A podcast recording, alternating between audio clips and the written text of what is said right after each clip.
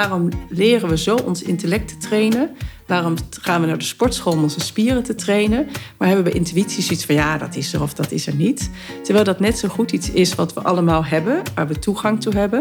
En op het moment dat dat bewuster mee mag doen, heb, nou ja, wat ik al zei, heb je zoveel breder arsenaal van waaruit je kunt putten.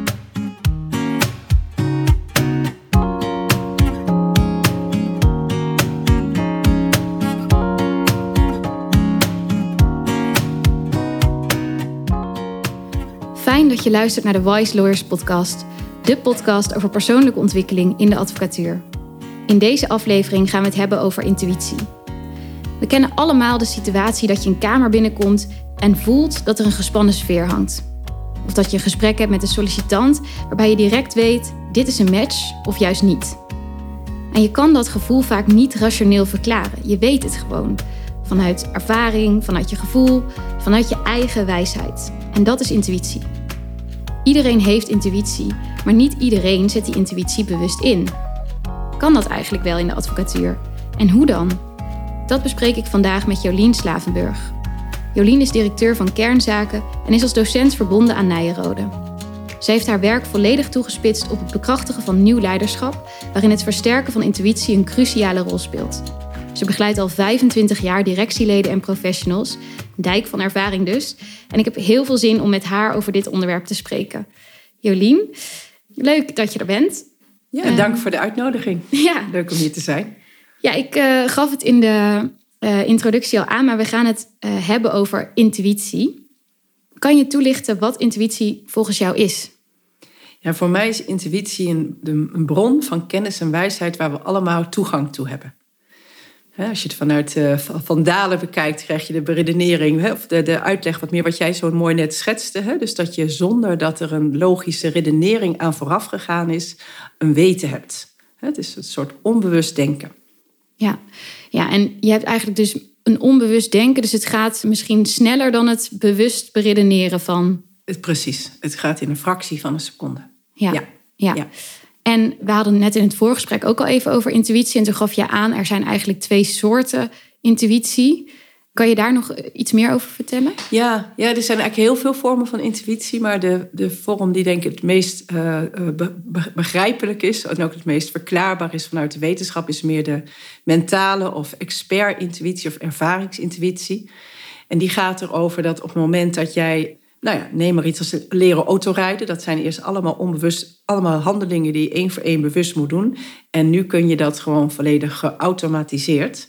En betekent het ook, hè, eerst ben je erg met dat voertuig bezig en langzaamaan ga je ook nog zien dat er verkeer is. En nu kun je uh, in een fractie van een seconde reageren als er een gevaarlijke situatie is. Datzelfde is ook gewoon in je werk. Dus op het moment dat je net ergens komt, heb je heel veel informatie nodig om de situatie eigen te maken. En dat is niet alleen rationele kennis, daarbij staan al je zintuigen aan. Dus je onderbewuste doet continu mee. Daar zal ik straks nog wat verder op ingaan, dus dat verschil tussen dat bewuste denken en ons onderbewuste. Dus je doet ongelooflijk veel ervaringen op en langzaamaan beginnen daar, uh, begin je daar patronen in te zien. Oh ja, als deze situatie is, dan hangt het daarmee samen. En daarmee ontwikkel je eigenlijk een soort draaiboeken die maken dat op een gegeven moment, als je wat langer ervaring hebt, je met eigenlijk een, in een heel korte tijd, met een heel klein pakketje van informatie, al een inschatting kan doen van een situatie. En als je die ervaring hebt, merk je vaak, en dat ken je misschien ook in je eigen vak, dat als je weinig tijd hebt, dat het heel vaak klopt, dat je daar prima op kan vertrouwen. Maar als je wat meer tijd hebt, dat het toch heel verleidelijk is om toch nog een keer helemaal die analyse te gaan maken en die check te gaan maken. En in veel gevallen is dat tijdverlies. Dus dat is één vorm van, uh, van intuïtie. Ja, ja, en die vorm, dus die ervaringsintuïtie, ik denk dat we daar allemaal, dat iedereen zich daar wel van alles bij kan voorstellen. Dat Tenminste, ik heb dat in mijn werk ook ervaren, inderdaad. Als je nieuw bent, dan uh, ja, alles is letterlijk nieuwe informatie. En op een gegeven moment gaan dingen meer op de automatische piloot. Je hebt dan ook nog een andere vorm van intuïtie die niet zozeer is gebaseerd op ervaring. En dat is dan denk ik meer wat ik net in de introductie omschreef. Dat je bijvoorbeeld een kamer kan binnenkomen en dan iets kan voelen qua sfeer. Ja, dat, ja. Hoe, hoe zou je dat soort intuïtie omschrijven? Ja, dat, dat voel ik veel meer als inderdaad als, als, als een, een bron waar we allemaal toegang toe hebben. En dat klinkt op een manier heel vaag of spiritueel. Terwijl als we kijken naar de ontwikkelingen in de kwantumfysica, komt er ook steeds meer wetenschappelijk bewijs uh, voor deze vorm van intuïtie. En eigenlijk zijn die onderzoeken al jaren geleden begonnen. Er is bijvoorbeeld in de jaren 50 van de vorige eeuw al een onderzoek gedaan van wat maakt nou dat een uh, groep vogeltjes, dat was in Australië, toen had je nog van die glazen melkflessen, die waren op een gegeven moment een bepaald vogeltje in staat om die dopjes eraf te tikken. En vanaf dat het moment dat één vogeltje dat kon, zag je ineens dat allerlei vogeltjes op andere, in andere continenten over, over de hele wereld diezelfde vaardigheid hadden. Nou, dat soort onderzoeken zijn veel gedaan, die heel erg bekrachtigd zijn in, in, eigenlijk in de nieuwe wetenschap. Dat er dus blijkbaar iets is wat simultaan ontdekt kan worden. Dat zien we ook vaak met grote ontdekkingen in de wereld. Hè, dat ze tegelijkertijd gebeuren. Dus blijkbaar is er iets. En ik denk de mooiste beschrijving is eigenlijk, je kan het vergelijken met de cloud er een, een, soort bron waar een heleboel kennis en informatie in zit. En we hebben allemaal toegang uh, tot die cloud. Ja. Ja, ik wilde zo nog, nog wat dieper op ingaan van hoe krijg je dan toegang tot, uh, tot die cloud. Maar even um, ter verduidelijking van dat voorbeeld. Het waren dus vogeltjes die dat niet van elkaar hebben gezien. Precies. Ja, dus ja. één vogeltje ontdekt iets. Ja. Kennelijk is het dus in het, in het veld of zo dan exact. iets geweest. En dan andere vogels die... Ja. Ja. ja. Ja, ja, grappig. Volledig dat dat los zo, van elkaar staan. Ja. Werkt. hey, en ik ben bij jou op kantoor en ik zie ook allemaal boeken uh, over intuïtie uh, in, in de boekenkast staan. Waar is die interesse van jou voor dit onderwerp vandaan gekomen? Dat is een mooie vraag. Nou ja, misschien wel grappig om te noemen. Misschien herken je daar ook wel iets van. Ik was als kind denk ik heel dromerig en ook wel heel intuïtief. En wat we eigenlijk dan allemaal leren is op een gegeven moment, zeker als je naar die middelbare school gaat, dat je in een soort prestatiedruk komt. En dan wordt er heel veel nadruk gelegd op, uh, op presteren en op het rationele ontwikkelen. En eigenlijk wordt dat intuïtieve stuk wordt eigenlijk nergens meer in meegenomen. En dat heeft me achteraf altijd verbaasd. Van waarom leren we zo ons intellect te trainen? Waarom gaan we naar de sportschool om onze spieren te trainen? Maar hebben we intuïtie zoiets van ja, dat is er of dat is er niet. Terwijl dat net zo goed iets is wat we allemaal hebben, waar we toegang toe hebben. En op het moment dat dat bewuster mee mag doen, heb, nou ja, wat ik al zei, heb je een zoveel breder arsenaal van waaruit je kunt putten. Hmm. En ik heb zelf ook moeten leren om, uh, nou ja, om eerst heel hard te gaan werken en heel erg het hoofd centraal te stellen en heel erg mijn best te doen. Waardoor je ook eigenlijk allemaal ego-stukken uh, ontwikkelt van doe ik ertoe, word ik gezien, uh, presteer ik goed. Om langzaamaan eigenlijk dat kindstuk weer terug te mogen nemen van ja, maar ik ben ook gewoon een dromerig meisje. En hoe, hoe kunnen die twee samenkomen? Ja. Dus dat is, dat is waar het van mij persoonlijk uit voortkomt. En als je het over intuïtie hebt, had ik uh, op een gegeven moment, toen ik een aantal jaren werkte, en toen werkte ik nog niet zoveel met leidinggevenden, toen had ik ineens het beeld, ik moet met leiderschap aan de slag. En hoe zou het zijn als mensen in sleutelposities veel meer hun intuïtie durven gebruiken, vanuit wijsheid durven handelen en minder bezig zijn met eigenlijk met zichzelf. We hebben heel vaak onze schijnwerper op onszelf staan en zijn eigenlijk veel vaker bezig om onszelf gerust te stellen dan daadwerkelijk het goede te doen, om het zo maar te noemen. Dus, en als we het goede doen, dan gaat het ook nog meer over, ja, anders voel ik beschuldigd dat ik het niet goed doe. Dus op het moment dat er veel meer bewustzijn is bij leiders, dan ontstaan er pas mooie dingen in organisaties, eh, met medewerkers, maar ook voor de maatschappij. En ik weet nog heel goed dat ik dat had en dat ik dacht, waar komt dit nou vandaan? Is dit geen ego-reactie? Dat ik denk, mhm. oh, dat is heel interessant. Maar het was echt, het voelde zo zuiver en zo waar. Terwijl mijn hoofd dacht, nou, dit is toch een beetje raar. En dat is wel een kenmerk van intuïtie. Dat er een soort plotseling weten is, wat vaak indruist tegen je gevoel, maar vaak ook nog indruist, uh, sorry, indruist tegen je hoofd, tegen je gedachten, maar soms ook nog indruist tegen je gevoel, ja. tegen je emotie. En dan weet je van, oh ja, maar blijkbaar is dit iets anders. En weet je nog waar je was of wat je aan het doen was toen je die ingeving kreeg? Mm, dat kan ik me bij deze situatie niet meer herinneren. Nee, nee, maar wat ik me wel kan herinneren is dat dat gevoel van weten. En bij mij manifesteert zich dat in, dan komt een soort ruimte op mijn, mijn hartsgebied, of eigenlijk in mijn hele romp. Dus, ja, en, en dan kan ik tegelijkertijd het protest voelen, zeg maar, van mijn hoofd. Of ik kan tegelijkertijd de angst voelen in mijn lijf van oeh, maar dit is spannend. Uh, maar daaronder zit dat weten. Ja. En dat is ook wat ik heel veel zie met alle. Hè, want ik begeleid nu al jaren ook uh, leergang in intuïtief leiderschap en allerlei programma's in intuïtief leiderschap, intuïtief, meesterschap. Uh, uh, ik was van de week nog op Nijenrode met een groep een hele dag met intuïtief leiderschap bezig. Met leiders. En waar het steeds om gaat, is dat het vaak maar een fractie van een seconde is. En direct daarna gaat je emotie en gaat je ratio weer meedoen. En overroer je dus heel vaak je intuïtie. Ja. Dus dat, dat, dat, dat even dat moment dat je dat herkent. En dat je als, als je hoofd het al lang weer overgenomen heeft, weer even teruggaan van ja, maar er is iets anders geweest, er is een inzicht geweest. Ja, Dat is een belangrijke. ja en zo'n inzicht, voor jou was het kennelijk dus meteen heel helder van wow, dit komt vanuit mijn intuïtie. Hè? Dat Je voelde dat dus in je hartgebied, rompgebied.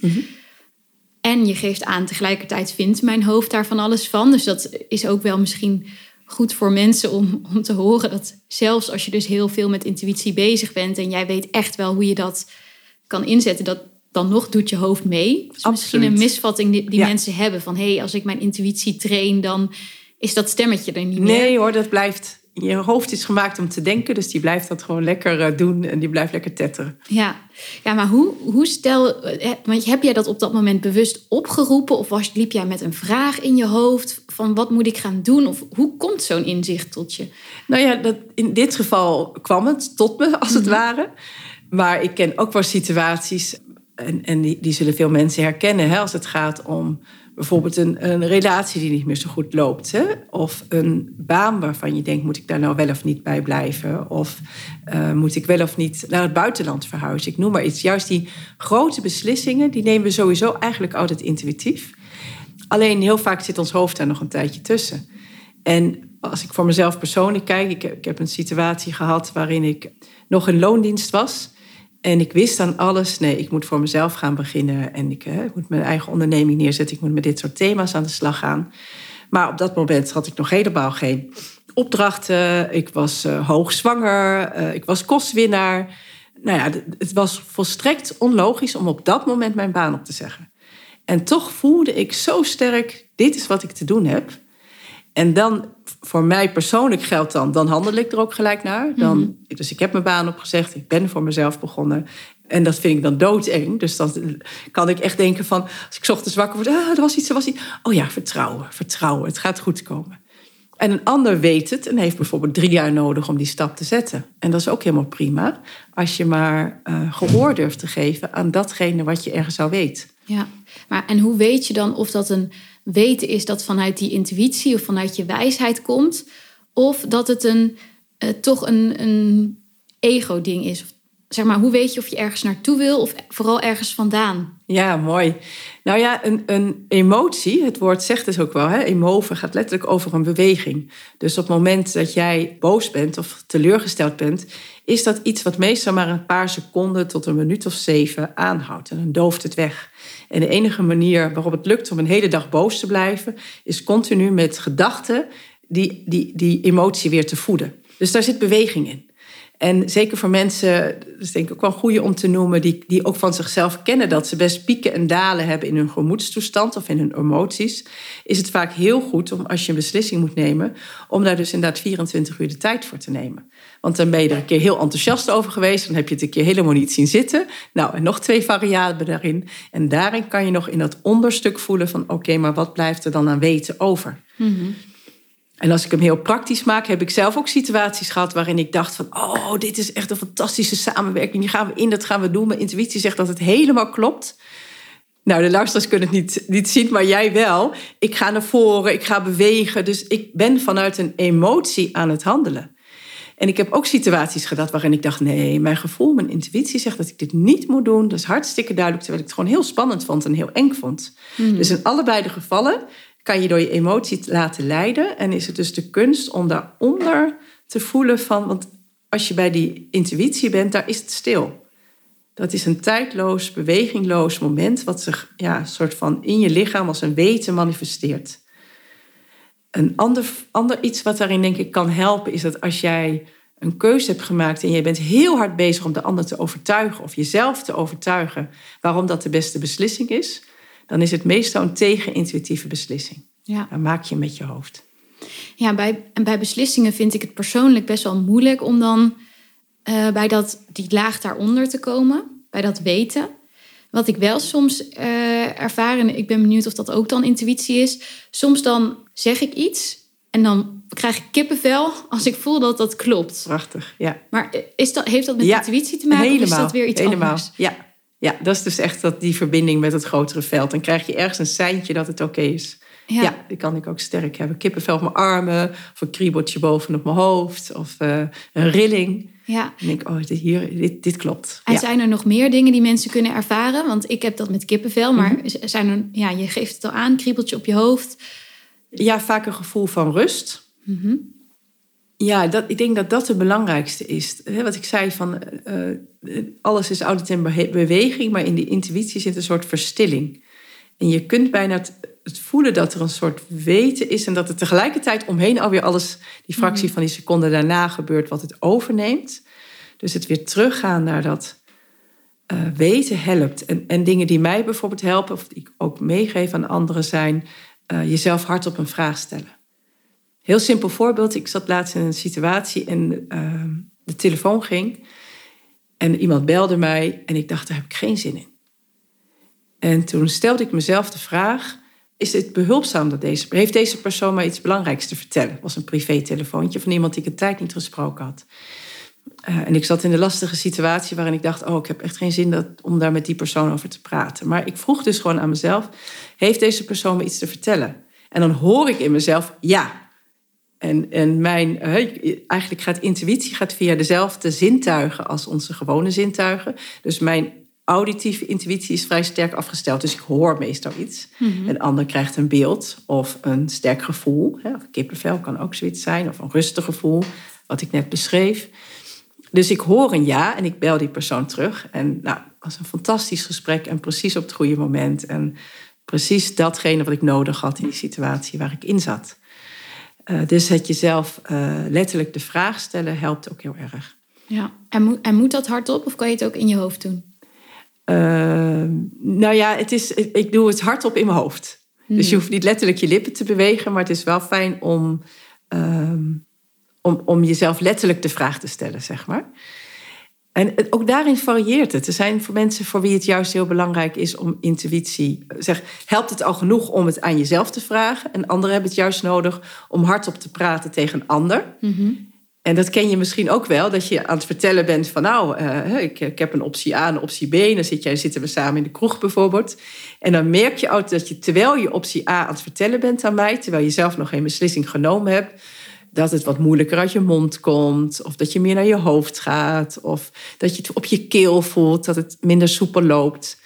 En zelfs als je dat niet merkt, kan ik het vaak aan je merken. Dan denk ik, nou, ik zie je minder enthousiast. Of ik zie je wat, wat, wat, wat meer wegtrekken. En dat als je de anderen gaat vertellen, dat tegelijk, tegelijkertijd met het praten in je lichaam begint te voelen. Oh ja, dit is het. Deze beslissing klopt. Ja. Dus het is niet voor niks dat een avondje naar de kroeg met een goede vriend of vriendin heel goed is om intuïtieve keuzes te maken. Ja, ja, en een andere setting misschien ook. Ja. Want je hoort ook vaak dat eh, mensen gaan wandelen of onder de douche of zo. En dan ook tot eh, ingevingen of, of iets komen. Misschien dat dat ook dan. Of is dat niet zo? Dat een Ja, zeker. Ja, en dat is ook heel belangrijk als het gaat om eh, oplossingen voor, van complexe situaties. Dus als het om professionele intuïtie gaat. En nou, als we dan even kijken, als jurist heb je soms best wel een, een, een complexe vra- vraagstelling. Waar je niet alleen maar op routine zo tjak, tjak, tjak kan doen. Dat vraagt creativiteit. Dat vraagt creatieve intuïtie. En dan is het juist belangrijk om jezelf te, te dwingen om te stoppen met na te denken. Want je mind is echt te beperkt om tot oplossingen te komen. En bewust een andere, iets anders te gaan doen. Dus te gaan hardlopen, te gaan wandelen. Ritmische bewegingen helpen goed. Tanden poetsen, strijken. Maar douchen werkt ook goed. En vaak ineens komt er dan een inzicht, zo'n Eureka-momentje. En denk je, oh ja, daar gaat het over. Dansen werkt daar ook in. Dus dat zijn eh, belangrijke dingen om, om weer een, ja, of de hele puzzelstuk ineens te zien, het hele plaatje te zien. Of weer een belangrijke aanwijzing te krijgen. Oh, ik moet die persoon bellen. Of ik moet dat eens even nakijken. Of, eh, dus dat is, dat is ook een belangrijke, ja. Ja, ja dus, uit, dus naar een andere omgeving gaan eh, noem je al. Ehm, jezelf een vraag stellen. Ja, Letten op de sensaties die je voelt in je lijf. Of de, de beelden die je ziet. ja. Ehm, ja, ik hoor toch ook vaak van advocaten dat ze zeggen: ja, maar ik voel niks en ik zie niks en eh, ik zit alleen maar in mijn hoofd en ik ben daar veel te druk voor. Weet je wel, dit zijn weet je, de vaak uitspraken die, uh, die mensen dan doen, die komen dan ook heel uh, bijna krampachtig en, en gestrest over. Hoe ga je daarmee om? Ik kan me voorstellen dat jij dat in je leiderschapsprogramma's ook hebt. Sommige mensen die al meer intuïtief werken en andere mensen voor wie dat echt nog een ja, heel ander level is. Wat zijn eerste stappen die je daarin zet? Nee, de belangrijkste stap is intuïtie, is een fluisterstem. En hoe meer je ontspannen bent, hoe makkelijker het is om toegang te hebben tot je intuïtie. En daar zit precies het spanningsveld. Want uh, in ons werk zijn we vaak zo gewend hè, om, om uh, targets te leveren, prestaties te leveren, een hoog tempo te hebben en veel na te denken, dat ons adrenaline-niveau, uh, level eigenlijk altijd net iets te hoog is. En zelfs zo dat dat voelt op een gegeven moment als je natuurlijke staat van zijn. Maar eigenlijk als je het helemaal hormonaal en, en, en zenuwtechnisch bekijkt, zitten we heel veel eigenlijk continu in een, in een soort overspanning. Zowel cognitief, dus zowel mentaal als fysiek. En die zorgt ervoor dat je intuïtie offline is. Dus het eerste wat nodig is om überhaupt weer verbinding te maken, is ontspannen. Dus lichaamsbewustzijn, ademhaling, mindfulness zijn hele belangrijke onderwerpen en onderdelen ook van onze programma's, omdat het echt de enige manier is om überhaupt toegang tot dat weten te krijgen en weer uh, ja, wijze beslissingen te kunnen nemen. Ja, en, en je noemt dan lichaamsbewustzijn. Wat is, wat is dat? Uh, nou ja, ons lichaam is een, een, heeft, geeft ongelooflijk veel signalen. Je had het net al even over die kippenvel. Maar, maar zo, zo, zo, krijg je intuïtief via je lichaam allerlei signalen of, of iets klopt of niet. En wat we over het algemeen doen, is die signalen negeren. Ik ken ook situaties dat ik gewoon voel aan mijn lijf: ik moet nu stoppen of ik moet nu pauze nemen. En mijn hoofd zegt: ja, ik ga, maak dit nog even af. En als je dat veel doet, ja, dan merk je dat je schouders vast gaan zitten of dat je maagklachten krijgt of noem maar op.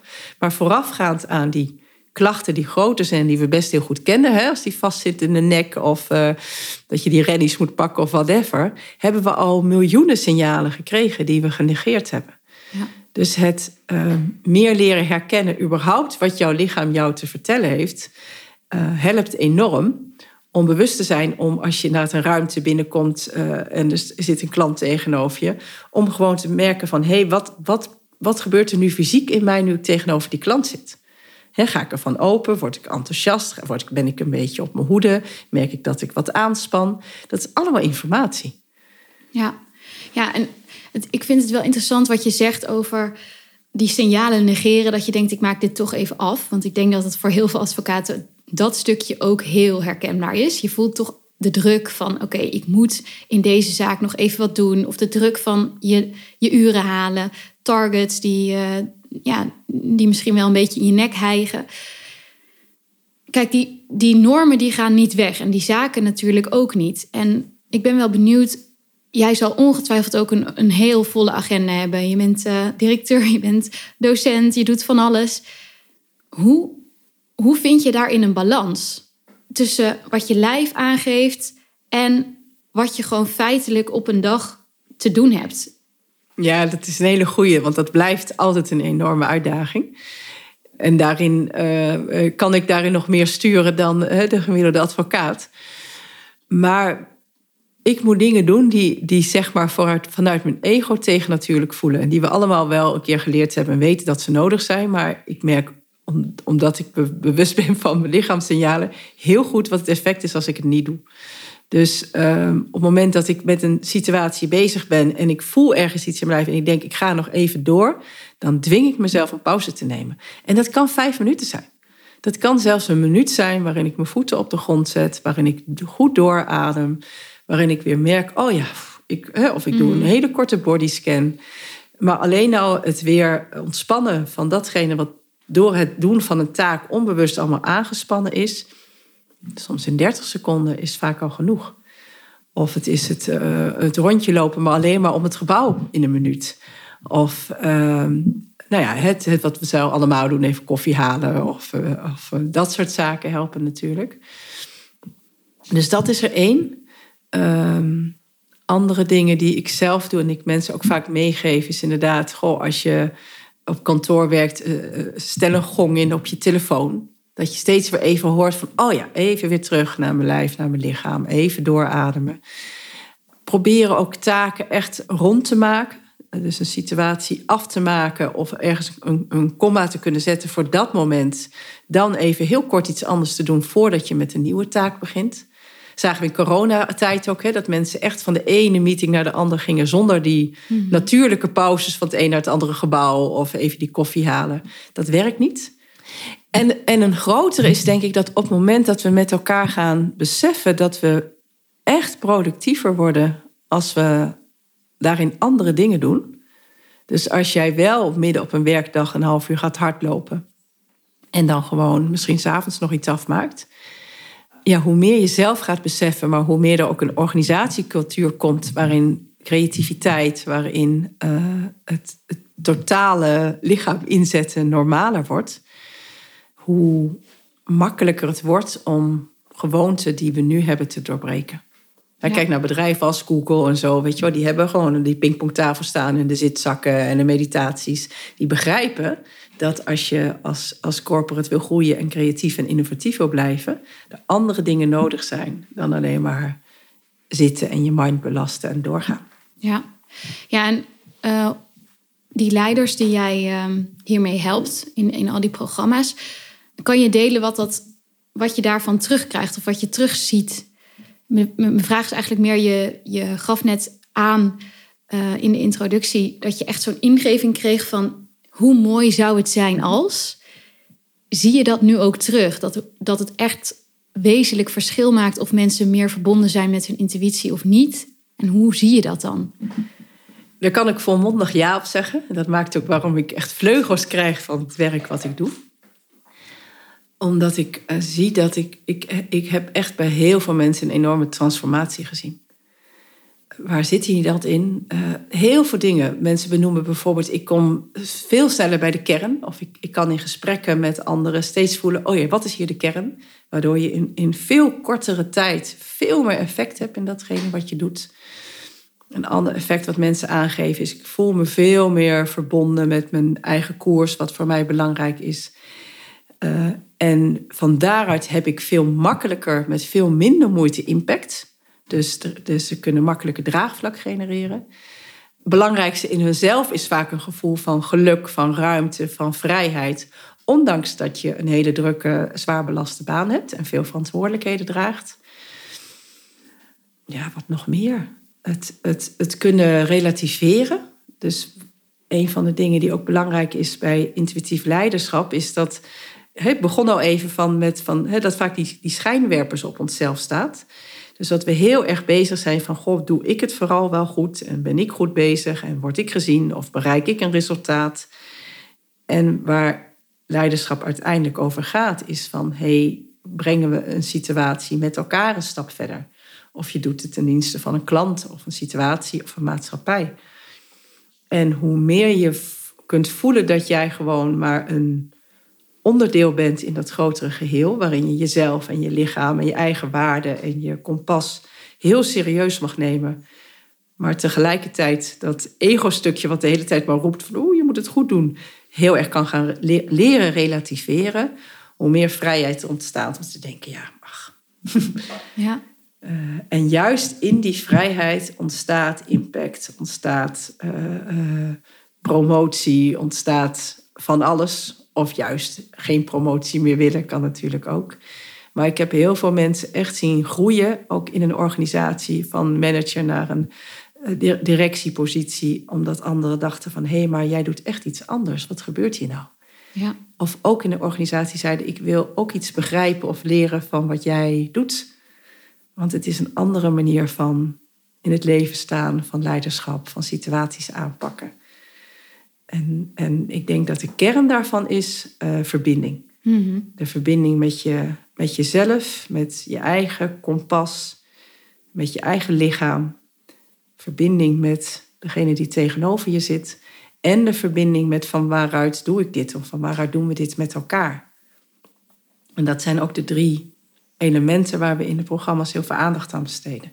Hoe kun je die drie vormen van verbinding samenbrengen?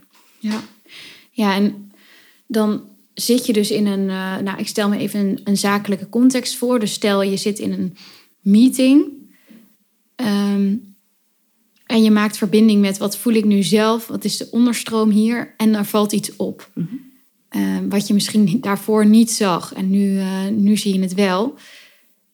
Um, hoe ga je er dan mee om? Want ik kan me voorstellen, ik probeer me even zelf in zo'n situatie te verplaatsen, dat mijn hoofd er dan meteen weer iets van zou vinden. Van nou, dat, dat kan je niet zeggen of je weet helemaal niet of het wel zo is.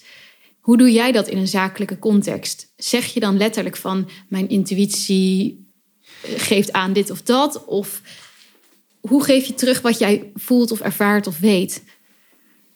Ja, dat is een hele mooie. En zeker ook eigenlijk zeg je daarmee hoe geef je woorden aan je intuïtie. Hè? En zeker ook in een zakelijke context. Dat gesprek heb ik vaak met mensen, want ik zeg nooit in de zakelijke context mijn intuïtie zegt. En misschien kan ik in sommige settings dat nog maken, maar over het algemeen word je in een gemiddelde corporate redelijk raar aangekeken als je dat zegt. Dus taal is een, is een belangrijke. Hoe geef je taal aan datgene wat je ziet? Maar er gaat nog iets aan vooraf, want je beschrijft dat heel mooi. Ten eerste zie je iets wat je misschien eerder niet herkende, omdat je veel te veel met de inhoud bezig was of met jezelf bezig was enzovoorts. En de tweede is, is dat het heel veel moed vraagt om iets wat niet zeg maar gebruikelijk is in een setting te doen. Je gaat letterlijk iets doorbreken. Je gaat letterlijk een component toevoegen waarvan je weet dit, dit heeft of dit kan invloed hebben op de situatie. Ga je benoemen. Uh, ik denk dat de, de, de, makkelijkste om mee te beginnen, als we ook weer even naar de advocatuur gaan, het, het gesprek met een cliënt is. Mm. Want dat is een setting waar al een soort vertrouwen is, waar je vaak één op één zit. En op het moment dat je dan zegt, goh, uh, heel simpele feedback alleen in, goh, ik, ik, ik, ik, ik, heb, ik zie je met je vingers bewegen, uh, vind je het spannend of uh, ben je een beetje zenuwachtig? zijn hele makkelijke manieren om jezelf te trainen om naar dingen die je opmerkt of die jou een bepaald gevoel geven, gewoon te benoemen en er een vraag over te stellen. Mm -hmm. Dus dat is in het klein. Um, wat ik zelf wel ken, is dat ik in situaties zit waarin ik denk van oké, okay, we gaan nou met z'n allen een bepaalde kant op. Maar er wordt een, een, deel niet belicht. En wat ik zelf heel erg geleerd heb, is dat ik dan dacht, ja, nou, ik zal wel de enige zijn. Mm. Ken je waarschijnlijk wel. Mm. Of is niet zo belangrijk. Of laat ik het proces maar niet verstoren. Maar inmiddels weet ik dat als ik iets voel, dat als en je bent met een groep in een, in een meeting, ben ik nooit de enige. Dan is dat iets wat ook gezegd moet worden, of wat ook mensen anders voelen, of misschien nog niet kunnen benoemen, wat van belang is. En wat ik dan bijvoorbeeld doe, is: goh, uh, ik wil hier even de advocaat van de duivel spelen. Want uh, ik zie nog een ander perspectief, of ik wil nog iets anders noemen. Of hé, hey, ik heb nu verschillende perspectieven gehoord, ik wil daar nog een heel ander perspectief van toevoegen. Is dat oké? Okay? Mm. Vaak vraag ik ook toestemming. Of ik wil even de advocaat van daar. Is dat oké? Okay? Ja, dan wordt er geknikt. En dan kan ik dus dat toevoegen zonder dat ik het heel erg persoonlijk maak. Zoals ik zeg, mijn intuïtie zegt, of mm -hmm. ik vind dit niet fijn. Of, ja. Uh, en nou ja, acht van de tien keer komen er dan inderdaad bij het koffiezetapparaat of bij de toilet allemaal mensen aan me toe. Ik ben zo blij dat je dit benoemd hebt. Dat is precies wat ik ook al de hele tijd merkte. Of ja. ik werd ook al een beetje onrustig. Of, ja. Maar het vraagt moed. Ja, nou ja, precies. En nu snap ik ook waarom je echt dat intuïtiestuk hebt gekoppeld aan leiderschap. Want dit is natuurlijk echt wat, ja, precies wat moet. Uh, het vraagt moed, maar het vraagt ook echt om een leiderschapsrol aan te nemen. En los van hiërarchie en of je de, uh, uh, iemands baas bent of niet. Hè, dat, dat kan nee, ook dat gewoon staat er als, helemaal los van. als junior ja. natuurlijk. Zeker. Maar het gaat echt om ownership nemen voor datgene waarvan jij weet van hé, hey, dit, dit is belangrijk. Ja, dat um, verklaart ook, ik kom hier binnen en er hangt een kaartje bij jouw deur en er staat intuïtie, dubbele punt. Uh, volgens mij iets van daadkrachtig leiderschap of daadkracht voor leiders. Klopt. Zoiets. Ja.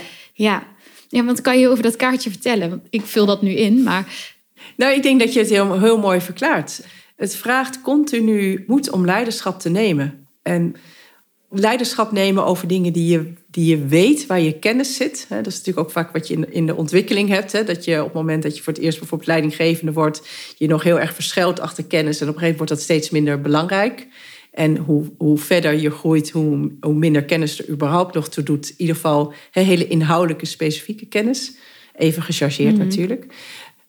Maar dat is nog wel een houvast. Maar dingen benoemen die, waarvan je nog niet eens weet of ze waarvan je zelf nog niet eens weet wat je net noemt of ze relevant zijn, laat staan of een ander ze herkent, is ongelooflijk spannend. En dat vraagt dus dat je door je angst heen van, oh ja, word ik niet gek gevonden, word ik niet afgeserveerd, uh, zit ik er niet naast, ontstaat er geen conflict, durf te doen wat één laag eronder zit, namelijk een, een waarheid of een weten of een gevoel, hé, hey, hier is iets van belang om dat te durven adresseren. Mhm. En dat is leiderschap. En heb je ook wel eens gehad dat jij dat deed en dat het dan dat, dat het niet juist bleek te zijn of dat je wel werd afgeserveerd? Ik ben nog nooit afgeserveerd, denk ik. Ik heb wel eens situaties gehad waarin ik. Het, het is ook altijd afwegen. Hè? En, en dat is in een coaching setting bijvoorbeeld ook. Soms zie ik dingen bij iemand waarvan ik denk, ja, dat heeft niet zoveel zin om die te benoemen, want daar zit zoveel voor, dat helpt die persoon op dit moment helemaal niet. En als ik het dan toch doe, dan kan het zijn dat die ander zegt: nee hoor, dat werkt helemaal niet zo bij mij, of dat is helemaal niet aan de hand of aan de orde. En dan ben ik zo eigenwijs om te denken: ja, dat is in een diepere laag wel aan de orde, maar dat is niet iets waar jij op dit moment verbinding mee heeft. Dus helpt het in de verbinding ook helemaal niet als ik het uitspreek. En dat spanningsveld zoeken van uh, je kunt altijd klein beginnen, want er zitten altijd kleine dingen zijn. Je hoeft niet alles op tafel te gooien. Misschien is dat een belangrijke. En een ander is de toetsing. Dus ik merk bijvoorbeeld ook wel eens dat als iemand anders iets zegt, dat ik bijvoorbeeld heel veel spanning op mijn keel krijg. Als ik in een setting ben, in een coaching, of hè, met een coachie of met uh, een persoonlijke setting, dan kan ik heel makkelijk zeggen: hé, hey, als jij dat zegt, ik voel gewoon mijn keel dichtknijpen. Wat, wat hmm. gebeurt er met jou als je dit vertelt? Dan is dat een setting waarin zoiets kan. Als je in een hele zakelijke setting bent, dan kan je dat misschien niet zo op die manier adresseren. Maar is de informatie dat jouw keel dichtknijpt wel heel relevant om in jezelf op te nemen? En zou je misschien wel de vraag kunnen stellen: Goh, wat je nu schetst, is dat gemakkelijk voor jou? Of uh, doe je dat vanzelfsprekend? Dus dan kun je gewoon neutrale taal geven om hetzelfde te toetsen. Hmm, ja. ja, want je geeft dus aan hè, dat je in verschillende settings verschillende woorden geeft eigenlijk aan je intuïtie. En dat in een coaching setting andere dingen misschien gepast zijn om, om te zeggen dan in een zakelijke setting. Als we toch even teruggaan naar dat, naar dat stukje intuïtie, want nu gaan we ervan uit dat je het in die settings dus wel opmerkt. Wat, hè, dus dat je dus inderdaad je keel voelt eh, dichtknijpen. Ik kan me ook voorstellen dat er nu mensen luisteren die denken: Nou, dat heb ik nooit. Ik voel nooit mijn keel dichtknijpen. Uh, kippenvel, waar heb je het over? Ik hoor vooral mijn eigen stemmetjes in mijn hoofd oordelen, de situatie analyseren. Wat maakt dat sommige mensen zeggen dat ze geen intuïtie hebben of dat ze er in ieder geval niet bij kunnen komen? Nou, ik denk precies wat, wat jij al aangeeft. Op het moment dat je heel druk in je hoofd bent en weinig verbinding hebt met je lichaam, uh, is het lastig om je intuïtie uh, überhaupt te herkennen, omdat er iets voor zit. Uh, dat hoofd is ook druk als een soort beschermingsmechanisme. Wij hebben de illusie dat we via onze ratio goede beslissingen kunnen nemen, afwegingen kunnen maken. Nou, kortom, dat we dat maken dat heel erg belangrijk. Maar als we vanuit de wetenschap kijken, dan is inmiddels bekend dat als je dat bewuste denken, waar dit over gaat, afzet tegen het onbewuste, wat meedoet in alles wat we doen, dat verschil is gigantisch. Ons onbewuste denken of ons onbewuste werkt 200.000 keer zo snel als ons bewuste denken. Dus als we dat weer als een soort computer zouden zien, dan hebben we een soort megacomputer tot onze beschikking. En we gebruiken er maar uh, eh, 1 MB van, of nog minder. Ehm, dus het continu opnieuw dingen willen beredeneren en analyseren is een verslaving die niet productief is. Tegelijkertijd, als we kijken, als je alleen al wil begrijpen van hoe zit dat met die verwerkingscapaciteit, dat het 200.000 keer zo snel is, dat heeft onder andere te maken met dat ons bewuste denken is serieel. Hè? Dus we kunnen nu tien keer zo hard gaan praten om meer informatie, snel gaan praten om meer informatie te geven. Maar leidt alleen tot een factor 10. En mensen gaan hem dan toch weer trager afspelen, mm. omdat het niet te doen is. Eh, het, het onbewuste werkt natuurlijk niet serieel, dus die kan allerlei dingen tegelijk opvatten. Die werkt visueel beeldend en neemt emotionele aspecten tot zich. Dus stel, er hangt achter jou nu een, groot schilderij. En jij wil weten wat, wat, wat voor schilderij dat is. En ik ga dat schilderij aan jou beschrijven. Nou, dan kunnen wij hier ik een week of drie zitten. En dan heb je, krijg je op een gegeven moment een beetje een indruk. Maar als jij je één seconde omdraait, of een fractie van een seconde, denk je, oh, dat bedoelen ze. Dus dat geeft even die verwekkingscapaciteit aan. Dus dat onderbewuste doet altijd mee. Dus jouw gevoel, jouw waarden, maar ook je vooroordelen, ook je, al je patronen van, die je van huis uit geleerd hebt, alles zit daarin. En wat, we, wat mijn pleidooi is, is op het moment dat je je ratio wat meer. Ehm, hoe moet ik dat zeggen? Niet onbelangrijk gaat maken, maar ziet daar wat nederiger tegenover staat. En je bewust bent dat het onderbewuste altijd meedoet, dan kun je daar ook wat meer gebruik van gaan maken. Als je dat onbewust doet, dan denk je dat je rationele beslissingen neemt. En dat doen heel veel mensen, maar het is niet waar. Dus je neemt beslissingen vanuit vooroordelen. Je neemt beslissingen vanuit emotie. Je neemt beslissingen vanuit uh, patronen, vanuit gewoontes. Je neemt beslissingen vanuit jouw behoefte om gezien of erkend te worden of vanuit status. Je neemt beslissing vanuit de normen die je onbewust meegekregen hebt en soms bewust uh, vanuit huis. Of vanuit je familiepatroon of vanuit de cultuur van waar je vandaan komt. Dus al die dingen sturen de hele dag jouw bewuste denken. En op het moment dat je bewuster gaat worden dat dat gebeurt, en we begonnen al mooi met je oordelen, begin maar eens te zien van oké, wanneer heb ik direct een oordeel over een situatie? En kun jij dat oordeel uit gaan stellen? Het niet oordelen is heel lastig, maar je bewust zeggen ik ga dat oordeel uitstellen, maakt dat je eigenlijk met frisse ogen opnieuw naar een situatie kan kijken, waardoor je intuïtie ook weer toegankelijker is. Je nieuwe informatie kan krijgen. Ja, en waardoor je misschien ook minder vanuit zo'n eerste emotie uh, reageert. Exact. Ja. ja. Ja, en daardoor kan me voorstellen dat je daardoor inderdaad een effectievere reactie kan geven op een, op een situatie. Omdat je eventjes een moment inbouwt ja, om te... om te reflecteren, ja. het, gaat, het gaat echt om dat we...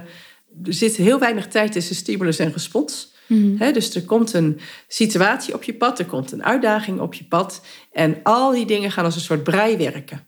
Je vindt er van alles van, je voelt er van alles bij. Je bent geneigd om, stel ik noem maar iets van, je hebt een vrij sterke perfectionist, dan word je heel perfectionistisch in zo'n ongemakkelijke situatie. Als jij een pusher bent, dan ga je heel erg lopen drukken op de situatie. Als je een pleaser bent, ga je heel erg je best doen om het, om het goed op te lossen. Kortom, jouw eigen patronen gaan aan. Nou, dat gebeurt allemaal in een fractie van een seconde en je intuïtie is weg. Dus een goede, creatieve uh, leiderschapsbeslissing neem je per definitie niet op zo'n moment. Dus wat het vraagt is dat je bewust bent dat dat gebeurt. En daarbij is inderdaad alleen nou die aanname en die emoties hele mooie om mee te starten. Bewust zijn van, oh, deze situatie maakt mij opgefokt of geïrriteerd of ik ben eigenlijk teleurgesteld. Ah, nou, ik adem maar eens even door. In plaats van dat je direct vanuit die buitenlagen eigenlijk op de situatie reageert. Ja, nou, ik denk dat het een hele mooie is om, uh, om de podcast mee af te ronden. Ik vraag ook altijd uh, aan iedereen die ik spreek of er nog een wijze les is die ze de luisteraar wil willen meegeven. Dus die vraag ga ik ook aan jou stellen. Nou, misschien wel een soort geruststelling. Ik denk dat de, de maatschappij in ongelooflijk hoog tempo aan het veranderen is. En er steeds meer bewustwording komt op dat we zoveel meer zijn dan een wandelend hoofd. En dat we alle complexe problemen die er nu wereldwijd zijn, maar ook in, op microniveau in je eigen leven, in je eigen organisatie, niet op te lossen zijn met de manier waarop we het de afgelopen paar honderd jaar gedaan hebben. Dus wees nieuwsgierig. Ben benieuwd naar wat er nog veel meer is en speel ermee, ontdek. Je kan er niks in fout doen. En merk dat je daarmee een zoveel uh, rijker leven gaat krijgen voor jezelf. En zoveel meer verbinding gaat ervaren met de dingen die je doet en met de personen om je heen. Ja, mooi, dankjewel. En uh, voor luisteraars die uh, zich willen verdiepen in intuïtie of meer willen weten over jou en over je bedrijf, zal ik in de show notes ja, jouw website of contactgegevens opnemen. Wil ik jou bedanken voor dit gesprek. Heel graag gedaan en jij ook bedankt. Vond het leuk om te doen. Ja.